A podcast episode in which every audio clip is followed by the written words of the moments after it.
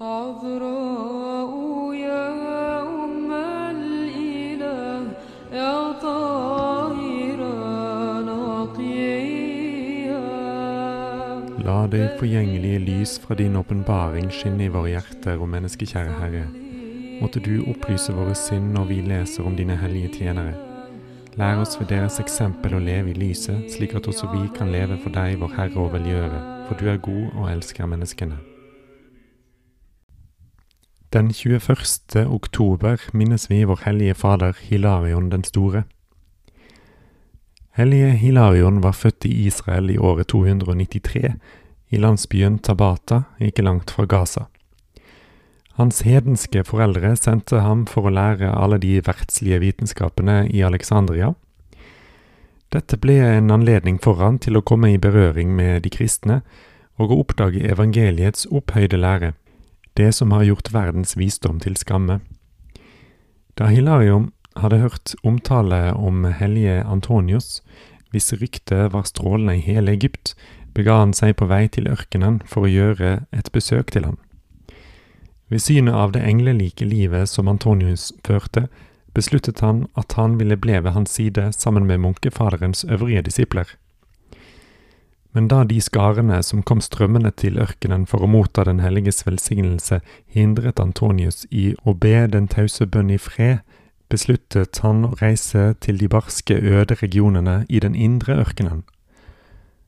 Etter å ha gitt Hilarion sin skjorte og sin skinnkappe, sendte han ungdommen Hilarion, som da bare var 15 år, for å øve askese sammen med noen ledsagere i den ørkenen som da het Mayoma i Gaza-regionen. Hilarion tok dristig av sted for å begynne kampen mot de demonene som bodde i denne ødemarken, hvor ingen andre bodde, og som bare ble krysset fra tid til annen av røverbander. Der tok han fatt på å underkaste sitt legeme og å slukke ungdommens laster ved streng faste. Han ernærte seg av bare 15 fiken om dagen etter solen hadde gått ned. Under hele dagens løp ba han og sang uavbrutt salmene mens han bearbeidet den golde jordbunnen, for at arbeidstrøttheten skulle føyes til fastens, men han dyrket ikke noe for å unngå kjøp og salg som kunne medføre gjerrighetens fristelse. Da demonene således ble angrepet på sitt eget oppholdssted av et barn, gikk det til angrep, akkurat som det hadde gjort med hellige Antonius. Demonen viste seg foran i skikkelse av et villdyr, søkte å gjøre han redd ved skrekkinnjagende og uforklarlige lyder. Men alt dette viste seg nytteløst, for den unge mannen avslo angrepene ved korsets tegn, og tok selv initiativet i kampen ved å gjøre narr av den ondes avmakt. Fra han var 16 til 20 år hadde han ikke annet liv enn en liten hytte bygget av sivgress. Deretter bygget han seg en celle som var så lav at den mer lignet en grav enn et hus.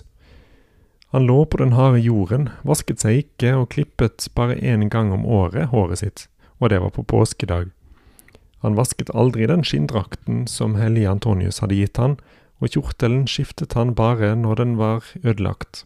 Han kunne hele Den hellige skrift utenat og framsa den med høy røst, idet han forholdt seg med ærefrykt, som om han var nærværende foran Guds øyne. Fra han var 21 år gammel til 27 spiste han hver dag i tre år bare litt linser som hadde ligget i bløt i kaldt vann, og de tre neste årene var han fornøyd med brød med salt på.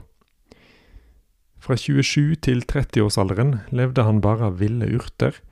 Fra 30 til 35 åt han ca. 150 gram byggbrød og litt urter, som var kokt uten olje.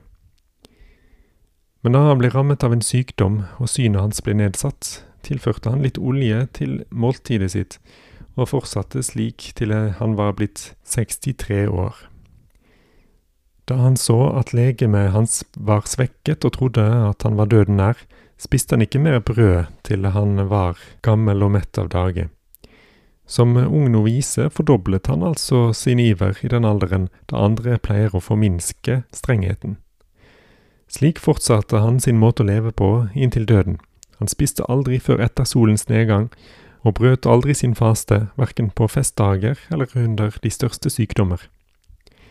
Disse overmenneskelige anstrengelsene som hellige Hilarion påtok seg av kjærlighet til Gud, ikke bare åpnet hans hjerte til å motta betraktelsen av himmelske hemmeligheter, men nåden dekket også hans legeme og ga ham kraften til å utføre underet til trøst for de troende. Han helbredet syke og utfridde mange som var besatt av urene ånder. Da han var ennå bare 22 år gammel, hadde hans rykte allerede nådd seg utover hele Israel og selv til Egypt og Syria. Man kom strømmende til ham i store mengder, og mange var de som ba han om å, om å få måtte omfavne det englelike livet ved hans side. For inntil da var klosterlivet ikke kommet til Israel og Syria ennå. Derfor er det at Hilarion ble for disse regionene det hellige Antonius var for Egypt. Hellige Hilarion og Antonius den store fortsatte å utveksle brev, og når det kom syke fra Gaza-regionen til hellige Antonius og spurte om han kunne gjøre dem friske, så spurte Antonius hvorfor gjør dere slik umake å komme så langt når dere har hellige Hilarion der borte, som er min sønn? De som omfavnet eneboerlivet og innrettet seg i celler omkring hellige Hilarion, nådde snart et antall på 2000. Alle anså de han for å være deres far og veileder. En gang i året, når det var tid for vinhøsten, reiste Hilarion ut for å besøke alle klostrene. Han brakte dem da deres underhold for året, og benyttet leiligheten til å samle sin disippelskare. Da han var blitt 63 år gammel, lot ikke den store mengden av mennesker han være i fred lenger. Det var brødre som sto under hans ledelse, det var syke, det var troende, og de strømmet til hans eneboerhule fra alle sider, og de ga han ikke ro et øyeblikk til å kunne tilbe Gud i taushet. Da var det med et vell av tårer at han husket sine første år når han tilbrakte askesen helt ukjent av alle. Med stadige tårer oppnådde han å få sine disipler til å si ja til hans avreise.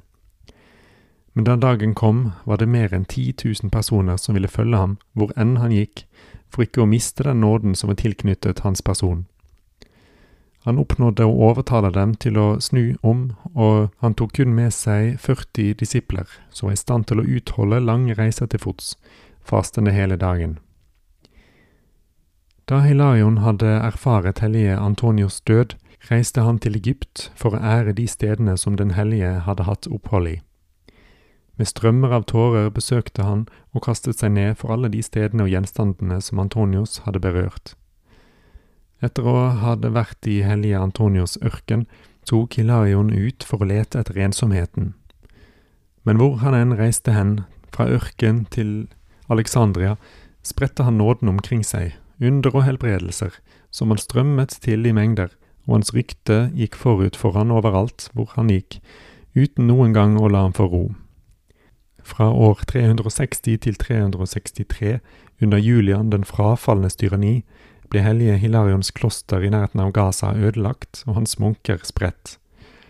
Derfor besluttet den hellige å søke tilflukt i Libya, Derfra seilet han til Sicilia, da han tenkte at han ville finne ensomheten der, og han var jo ikke kjent der. Men også der var han tvunget av sin medlidenhet og kjærlighet til mennesker, og jagde demonene på dør, helbredet syke, og tiltrakk seg således store skarer. Atter en gang flyktet han og bega seg til et lite sted i Dalmatia. Det var et område som ennå var bebodd av barbarer men også der kunne den nåde som utgikk fra hans person ikke holdes skjult.